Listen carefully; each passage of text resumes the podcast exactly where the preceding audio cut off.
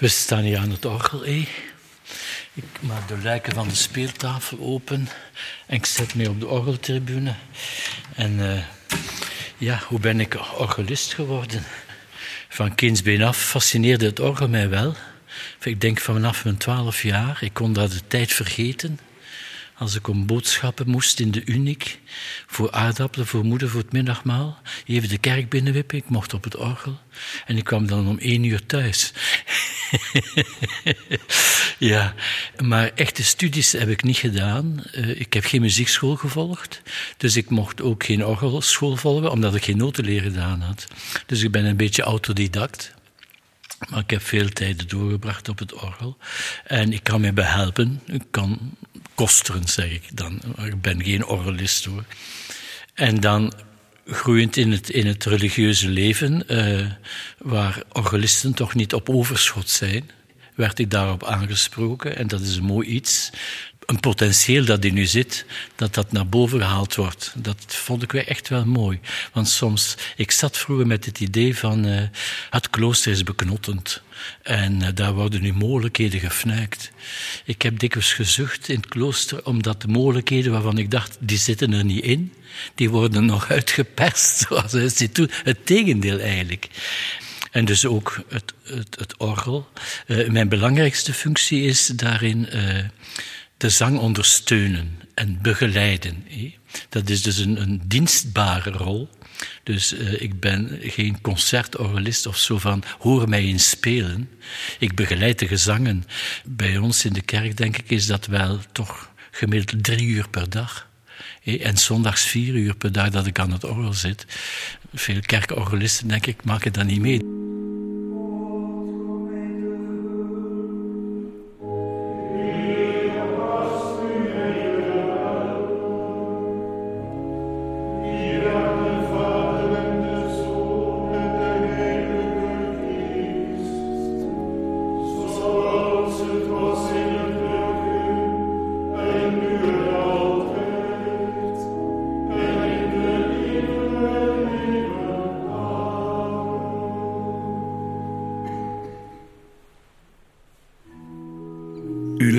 Naar Radio Kerknet. In onze radioreeks West-Vleteren zijn we aan aflevering 4 toe. We ontmoeten broeder Daniel. Hij is 70 en de organist van de abdijgemeenschap van West-Vleteren. De titel van deze aflevering is Bemind worden en beminnen.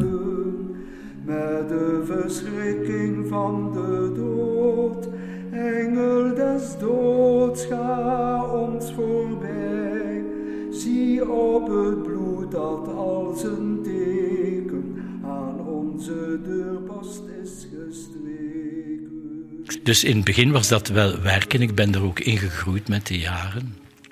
Maar ik doe het nu echt gaarne. En ik kan terwijl ik speel eh, ook bidden, want daar gaat het om. Het is ook niet voor de esthetiek, het is ook bidden. Het is een onderdanige rol, maar het geeft ook voldoening. Het is ook een sturende rol bij ons. Bij ons is er geen dirigent die de maat slaat of zo. Het is het orgel dat eigenlijk toch een beetje stuurt en dirigeert. Bijvoorbeeld de pauzes tussen de halfversen van de psalm, van de psalmversen, eh, dat bepaal ik. Dus ik moet daar zorgen dat daar een rustige pauze is. En dat gaat met subtiele dingen, één noot verleggen en we zijn weer weg voor de tweede helft en zo.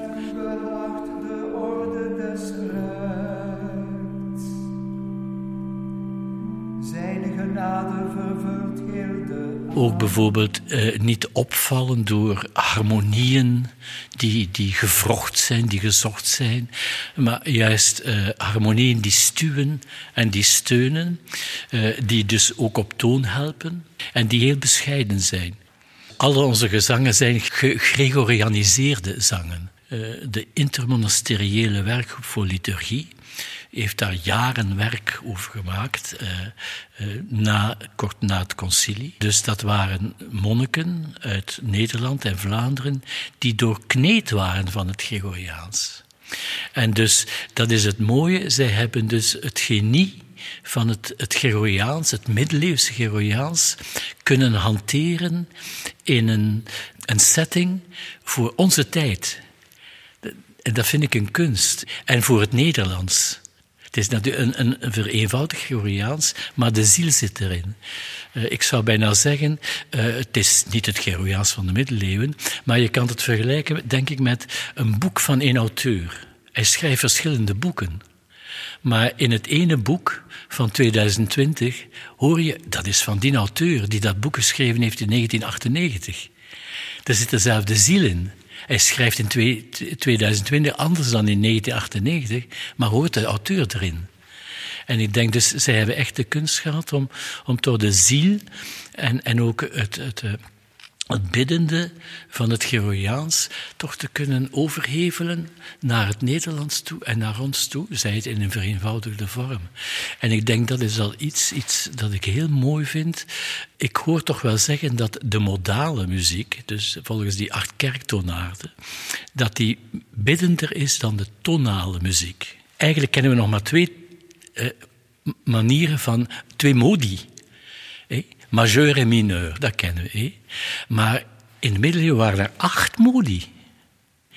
Die gaan nog terug op, op, op de Griekse zangwijzen op zo. Dus, maar, eh, dus dat is veel rijker. Het zijn dus andere toonafstanden die gebruikt worden, die niet zo het gewone zijn van wat we. En dat maakt dat het dus die zang toch wel apart maakt. En denk ik sacraler, iets, iets sacralers in zich heeft behouden en, en draagt. Nee, ik denk, het helpt ons te bidden, want dat is dat natuurlijk. Hè. Wij, wij, wij zingen niet voor de galerij, uh, wij zingen voor God. Hè. Keer Heer tot ons weder, hoe lang nog? Erbarm u over uw knechten. Dat vind ik ook iets mooi aan het organist zijn. Uh, zo, uh, ik ben het orkest van de komende tijd op mijn eentje. Nu, het orgel is, is een klein orkest op zich, met de verschillende registers, dat is één. Soms heb ik ook de gedachte gehad, de, nut, de nuttigheidsgedachte, zo van, wat zit ik hier te doen? Spelen voor God. Waartoe? Zoals een, een nachtegaal zit te fluiten. Ik, ik, zal, ik zal me misschien maar gewoon een, een, mus, met een mus vergelijken. Maar zoals een mus zit te chilpen, waartoe? Hé? Uh, waartoe? Uh, maar dan lag ik ben Gods hofkapel. Van de grote koning eigenlijk. En dat vind ik een zinvolle invulling. En waartoe? Ik denk niet dat dat de belangrijkste vraag is. Het doel, het heeft misschien geen doel, maar het heeft een reden. Eh, tot welk doel zingt de vogel? Ja, misschien om te paren in zijn domein af, af te, dus als we nuchter bekijken. Maar als je het poëtisch bekijkt, waartoe zingt de nachtegaal? Zo. Uh, er is een reden. En uh, zo is ons zingen en ons spelen, denk ik, heeft een reden. De liefde doet ons zingen. À la limite. Ik kan niet zeggen dat we alle dagen zo, zo, zo jubelend zijn. Maar eigenlijk, tenslotte, doet de liefde ons zingen. Zoals bij alle mensen, denk ik ook, de liefde doet leven. In welke voor liefde voor uw kinderen, voor uw vrouw. Dat, dat, dat, dat geeft de draai van uw werk.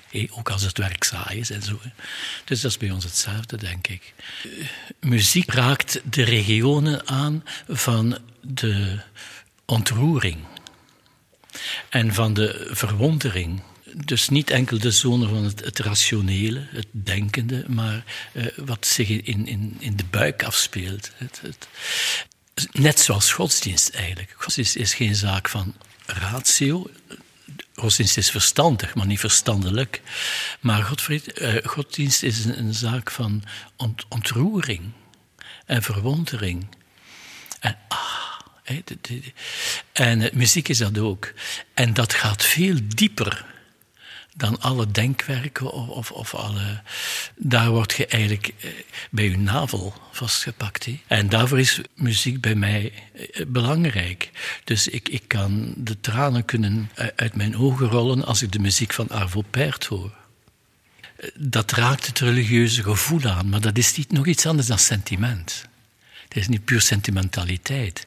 Maar een mens, als hij in zijn gevoel geraakt wordt, in zijn ingewanden, dan gaan de dingen diep. En ik ga niet zeggen, ik ben geen groot muzikant. Maar ik ben wel muziekgevoelig. Ik denk die taal, die gaat veel verder. En dat is ook met zingen zo, denk ik. Als uh, Augustinus zei, zingen is tweemaal bidden. Dus uh, ook wanneer een priester een prefatie zingt, dat is anders dan zeggen. Wanneer een mis gezegd wordt, die is minder aansprekend dan wanneer het een gezongen mis is. Dat wil niet zeggen een mis waarin zomaar liedjes gezongen wordt, maar een gezongen mis, bijvoorbeeld zoals in de Byzantijnse ritus. Die gezangen die gaan door merg en been. En zingen is een verheven vorm van zeggen en, en geeft zeggingskracht aan het woord. Meer dan wanneer het gezegd wordt, denk ik. En dus vandaar is zang en, en muziek in, in liturgie niet iets bijkomstigs, maar ik vind het wezenlijk erbij behorend om de liturgie haar werk te doen. Die de onvruchtbare geeft haar plaats in het huis. Een lachende moeder van kinderen. Eer zij de heerlijkheid Vader, Zoon en de Heilige Geest. Zoals het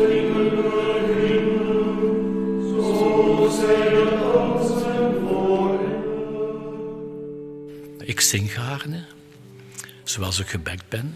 Ik, ik wil het kleine danklied zingen, maar anderen Gij hebt, o God, dit broze bestaan gewild, het nameloze mij uitgetild. Laat mij dan dankbaar leven de volle tijd, geborgen in de bevende zekerheid, dat ik niet uit dit smal en onvast bestand van mijn bestaan zal vallen dan in uw hand. Een klein danklied. Ik, ik hou van uh, Froberger, omdat die, uh, zijn Richard en zijn Fantasias, die zijn ook modaal gezet. Die passen heel goed in, in het klankkader van onze gezangen. Uh, is ook heel zuiver in, in, zijn meerstemmigheid en zo in het orgel, bijna polyfonisch. En hij is heel nobel. Hij is heel waardig. Maar ik speel ook heel gaarne Bach voor zover ik hem aan kan. In Bach, ja, dat is onvergelijkelijk. Eh, maar in Bach zit stuwing. Ik kan een van de twee pakken, bijvoorbeeld. Dat is iets van. Ik denk dat dat een. Uh, maar ik ga die een dikke boek eens wij doen. Die staat vreselijk in de weg. Dat is. Die neemt alle plaatsen. Dat is dus een trage beweging. Uh, maar uh, je zult zelf horen dat dat wel goed past bij, bij onze manier van uh, spelen, van zingen. Iets minder van registratie, prestant 8, octaaf 4. Ik trek er een nazaar bij en een, in pedaal een 16 voet en een 8 voet gaat heel waardig verlopen. Ik ga proberen of dat het waardig verloopt.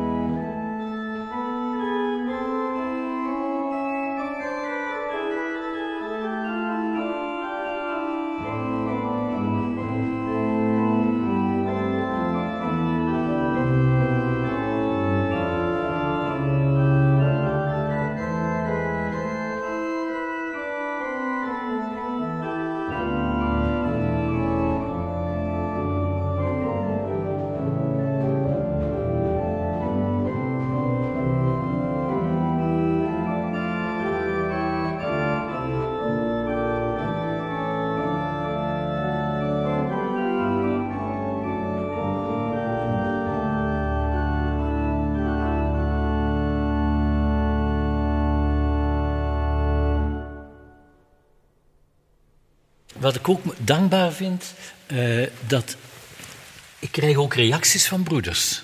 Dus die zeggen, ah, dat was mooi, wat heb je daar gespeeld? Dus ik denk dat mijn organist dat zou eigenlijk verlangen, en dat hij dat hoort. Of bijvoorbeeld, wat ga je spelen? Wat, wat, krijgen we vandaag? Dus, dus benieuwdheid, zo. Dus echt, dat is, vind ik wel dankbaar eigenlijk. Ik, ik, ik, pak eens naar Bach, een klein preludium. En ik ga een klein plenum, zoals dat heet, gebruiken. Dus ik trek een prestant 8, een octaaf 4, een octaaf 2, een mixtuur en een pedaal een 16 voet en een fagot 16 erbij voor op het einde. Ik zet mijn partiturenbril op, dat ik de noten kan lezen. En ik probeer. En eh, het zal zijn wat het is.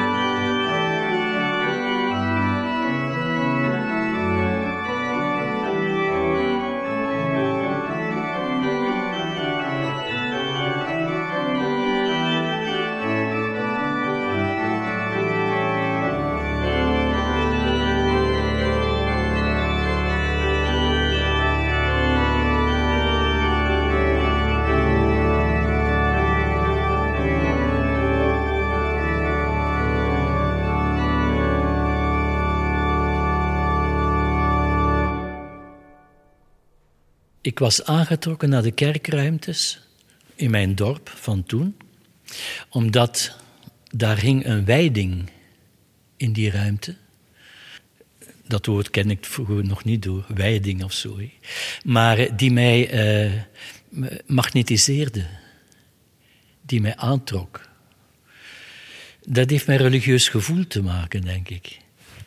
Dat heeft met dat gevoel te maken hè, waar we het over hadden. Uh, niet met denken of zo. En ik had daar geen woorden voor. Maar ik kon daarin toeven.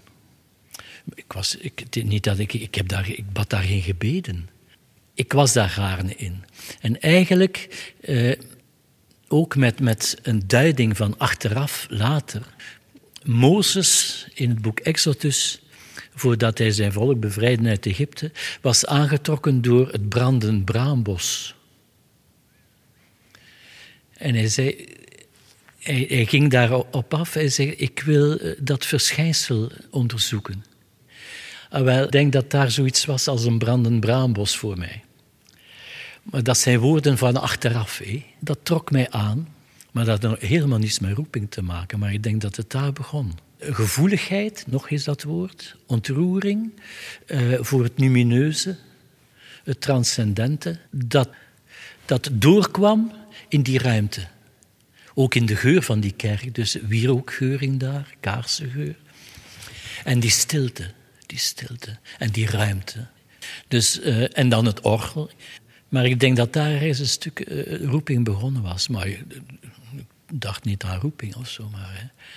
God die wenkte. Mozes wist ook nog niet dat het God was in het brandend braambos. Hè? Hij wist het ook niet. Hè? Misschien was het daar de, de zon door een. Door een, een, een we moeten dat niet ontleden, door dat braambos.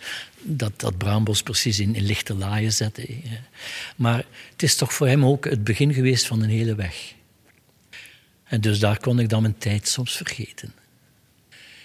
Ik diende gaarne de Eucharistie ofschoon ik niet mocht van mijn ouders. ik zei dat met heel veel mildheid, want uh, zij waren bezorgd voor mijn onderwijs, voor het onderricht. En dus in die jaren uh, mocht een misdienaar nog de school verlaten om, om de huwelijksvieringen of uitvaarten te dienen. Eh? Nou, die mochten vroeger uit de les gaan en zo. En mijn moeder vond dat mijn eerste zorg was het onderricht. Mijn moeder was, was kerks en, en, en solid, maar niet in de zin van vroom of zo. Of, uh, dus, uh, hij zei dat liever niet. Maar ik, ik, sloop dus daar naartoe. ik mocht dus geen misdienaar worden, maar ik diende toch wel de mis. Ook eigenlijk om, om dicht bij dat mysterie te zijn, dat disciplina arcani, het geheim, de geheimenis. En daar dichtbij te mogen zijn. Dat, uh, eigenlijk hetzelfde eh, ondergrond, onderliggende mechanisme, denk ik. Dat, dat, hetzelfde is, ik ben altijd zeer gevoelig geweest. Ik ben daar eerst in contact mee gekomen, ook als jongen van 12 jaar, met de Byzantijnse liturgie. Omdat die, denk ik, is nog evocatiever in het oproepen van het mysterie van God. We kunnen God niet bevatten, maar dat is ook niet belangrijk als we maar in voeling mee zijn. Als we maar mee communiceren. En dus dan... Uh, de hemel die op aarde neerdaalt, ook weer datzelfde onderliggende. En ik denk dat dat misschien ook wel um, God was die, die mijn weg aan het uitstippelen was in de richting van het contemplatieve leven, het beschouwende leven.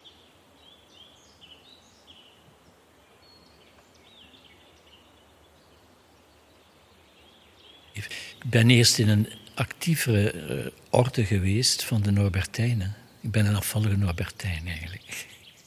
Daar trok mij ook uh, de liturgie aan, die daar zeer uitgebouwd is. Eh, en ook het monastieke.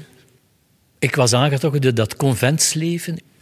En ik weet dat ik daar nog door de opleidingsverantwoordelijke beproefd werd, in de zin van uitgetest werd. Zo van, ja, maar jij bent niet sociaal genoeg. Jij hebt geen, geen hang naar apostolaatsleven. Hè?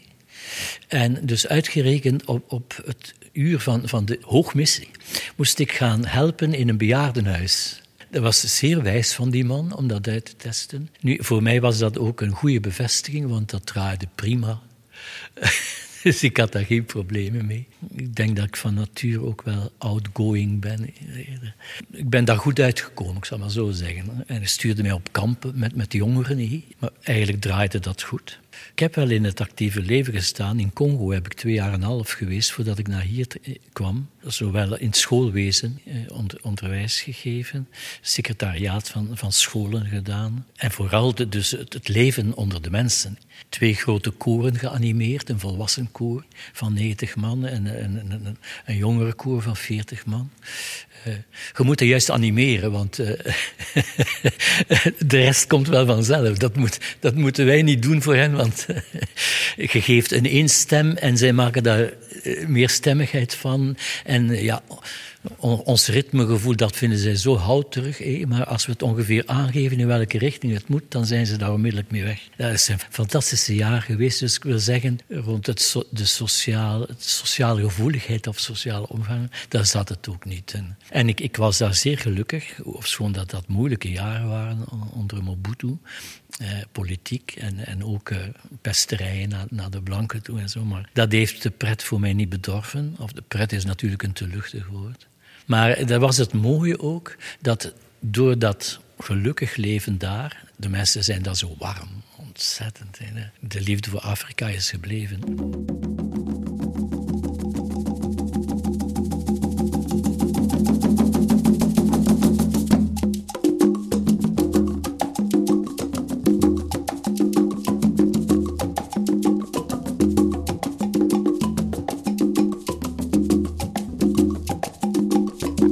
Daar bleef die roep naar dat contemplatieve leven toch overeind. En eigenlijk was ik een stuk naar ginder gegaan, want het trok mij aan, maar het schrikte mij ook af. Ik dacht, ja. Ik dacht, ik ga, ik ga eens een, een proef nemen en ik ga naar Congo gaan als vrijwilliger. En het zal wel overgaan. Ofwel blijft het. Maar het is gebleven. Ik, ik, het was een term van twee jaar. Ik heb twee jaar en een half gedaan. Ik ben daar in een rouwproces weggegaan echt een rouwproces, ja, omdat het zo goed daar was. Maar ik, ik, voelde aan dat ik de vluchtte voor mijzelf. Als ik dit leven niet zou aangaan. Dit was, naar mijn gevoel, wat ik moest doen. En het andere wilde ik doen, maar moest ik nu doen. En ik had veel bezwaar tegen dit leven. Ik was er best angstig voor. Ik was dan in correspondentie met een broeder van hier. En uh, die antwoordde mij telkens dus op luchtpostpapier. Mijn beste enfant terrible. Omdat ik zoveel vragen had, bijvoorbeeld rond het beknottende van dit leven. En ga ik me hier wel kunnen ontplooien? En heeft dat wel zin voor de wereld en zo? Mijn beste enfant terrible. Maar zijn sleutelantwoord was dus: elk woord kan een tegenwoord oproepen. Als je begint te discussiëren, is het woord een spel van wel eens niet. Maar het leven zegt: je kunt je niet tegenspreken. Het leven kunt je niet tegenspreken.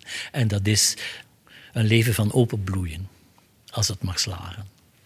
En dat kan ik beamen na de jaren. Maar dus ik vond dat ik dit moest doen.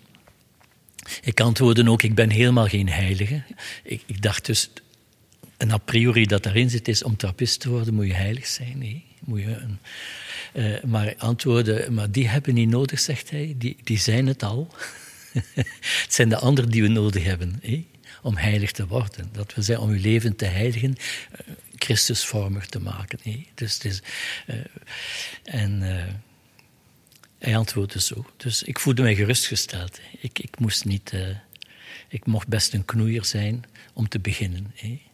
En trouwens, uh, Willem van Saint-Thierry, dus een boezemvriend van Sint-Bernardus uit de eerste jaren van het begin van onze orde, dus de 12e eeuw, die vergeleek het klooster met intensive care. Dus voor niet-ambulante zieken.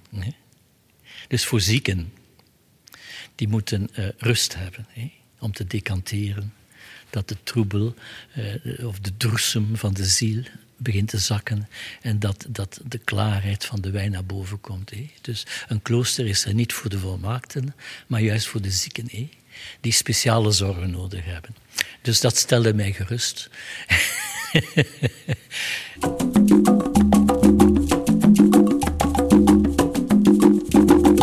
Zo ben ik er dan toch maar aan begonnen. Hé. En dat is dan gebleken ook hoe ziek dat ik was. Als mens, het gaat over hoe elke mens heeft zijn bagage en moet uitgeklaard worden. In ieders leven trouwens. Hè. Eh, dat komt wel. Voor mij is, is, gebleken dat, dat dit mijn weg is, die al begon uh, uitgestippeld te worden door God, niet door mij. In die eerste jaren van die religieuze gevoeligheid in de kerkruimte. Dat is ook een van mijn ervaringen. Zo, meestal zegt men ja, om zo'n leven aan te gaan, je moet daarvoor gemaakt zijn. Nee. Dus men schrijft dat toe aan uw natuur.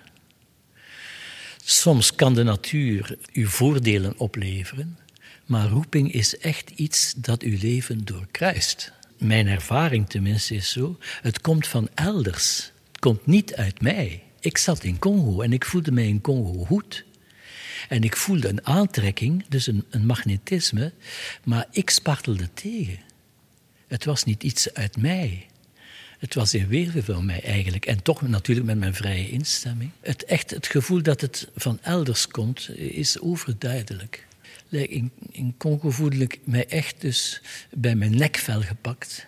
En eh, die greep in mijn nekvel loste niet in die twee jaar en een half. Dat is het gevoel van, van die alteriteit die je toch voelt. En dat het niet uit mijzelf komt, is niet mijn maaksel.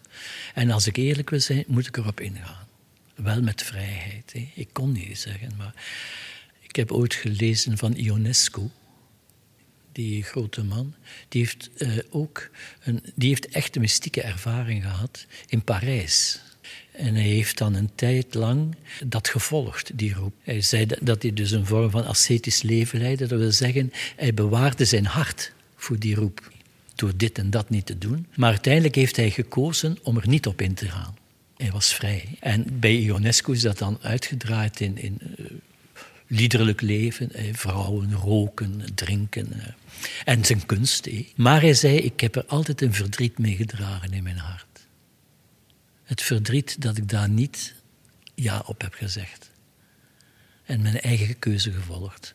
Ik zeg het maar als illustratie van om te zeggen, de ervaring is er een van, uh, het is niet mijn keuze, ik ben ervoor gekozen. Het is iemand die, die u uh, aimanté zeggen ze in het Frans. Daar zit het woord aimer in, maar die, die door zijn liefde charmeert en aantrekt. Zo begint het.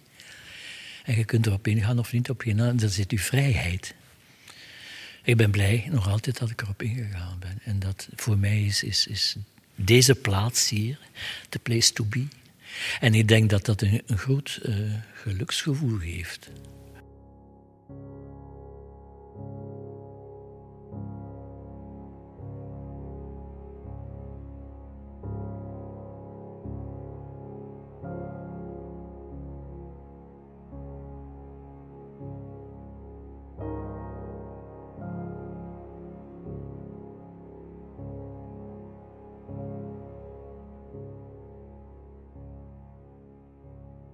Dat je zijt waar je moest zijn. Dat wil niet zeggen dat, dat u het meeste ligt. Er waren best in mijn leven, denk ik, dingen die mij beter zouden liggen. Maar waar ik niet moest zijn. En ik hoor ook vaak van mensen zo van, eh, als ze terugkijken op hun leven, ja, ik had iets anders moeten doen. Die eigenlijk niet, die niet samenvallen met, met de weg die ze uiteindelijk gegaan zijn. Uh, wat hen een zeker verdriet geeft.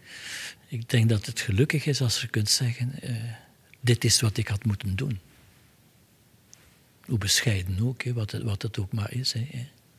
Als ik mijn gedachten laat gaan, dan, uh, dan zijn het die dingen.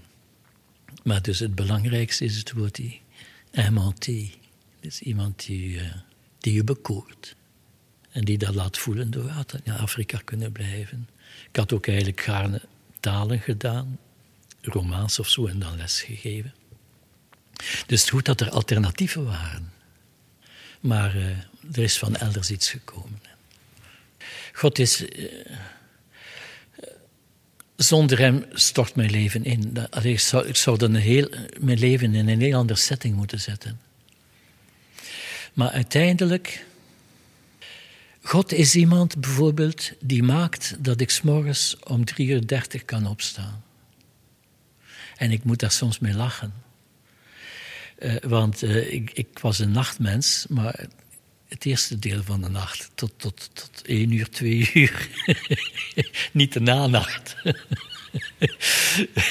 ik ben geen matinaal type. uh, en s'morgens dus, ik word het niet gewoon. Ik word het niet gewoon. Men zegt dat soms ook, zo wordt er met een tijd gewoon zeker. Ik word het niet gewoon. Opstaan is altijd zeer moeilijk. Maar hij krijgt mij uit bed. En uh, dat is God voor mij. Dus iemand die zo sterk is dat hij mij uit mijn bed krijgt en mij gemotiveerd de nachtwaken doet bidden. En dat vind ik eigenlijk een bravoure stuk eigenlijk. Soms zeg ik, eh, ik blijf antwoorden op die vraag, wie is God voor u?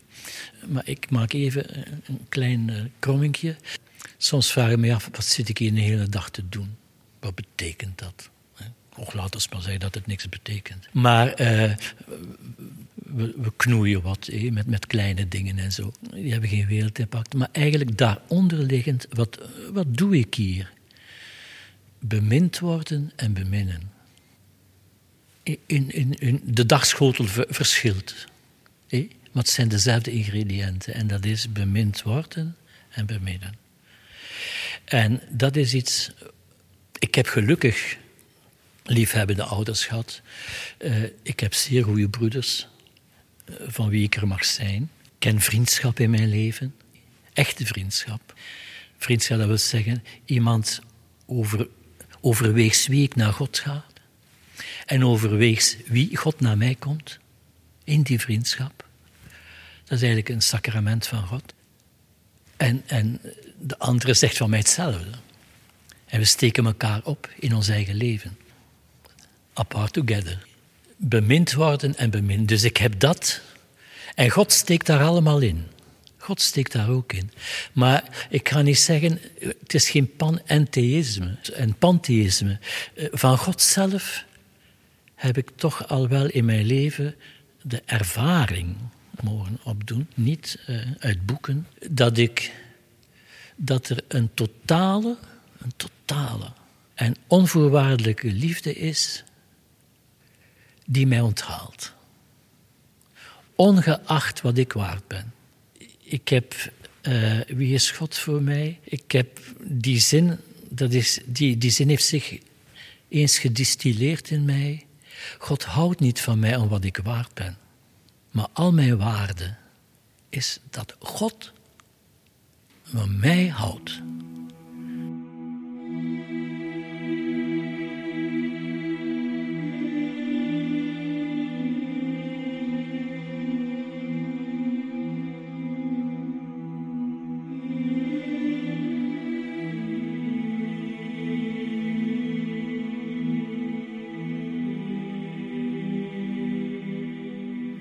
En hoe ouder dat je wordt, hoe meer blutsen dat je in je carrosserie oploopt. In je blazoen, zal ik maar zeggen. Zodanig dat je eigenlijk eh, bij periodes, maar je moet daar niet ouder voor worden, niet van jezelf houdt. Je zijt eigenlijk uh, ontgoocheld over je eigen onooglijkheid, je eigen lelijkheid soms ook. Dat dat voor God geen hinder is om van mij te houden. Hij houdt niet van mij omdat ik goed ben, hij houdt van mij omdat hij goed is.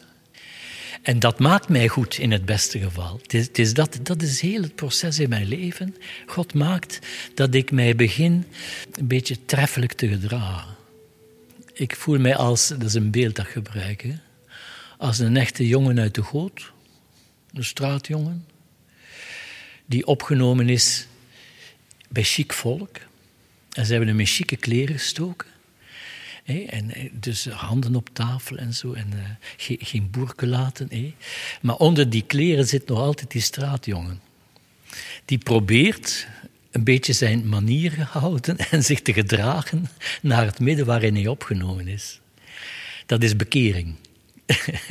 maar dat lukt niet altijd, want uh, dat ventje onder die schone kleren zit erin. Wel, God heeft ons bekleed met waardigheid en met schoonheid, zegt Psalm 8. Haast met goddelijke staat heeft hij ons gekleed. En dat is het eerste. En eer dat ik dat besef, dat, ben ik een, dat is een, een, een werf van een leven lang. Ik ben in een hoge stand opgenomen door God. Dus hij houdt van mij, niet om wat ik waard ben, maar al mijn waarde is dat hij, die grote Heer, van mij houdt. En ik probeer nu, dat is het leven van bekering, gaandeweg, mij een beetje mijn manieren te houden. En, en mij te gedragen naar vanand. En dat maakt mij beter. Maar niet door een tiran, maar door iemand die van mij houdt.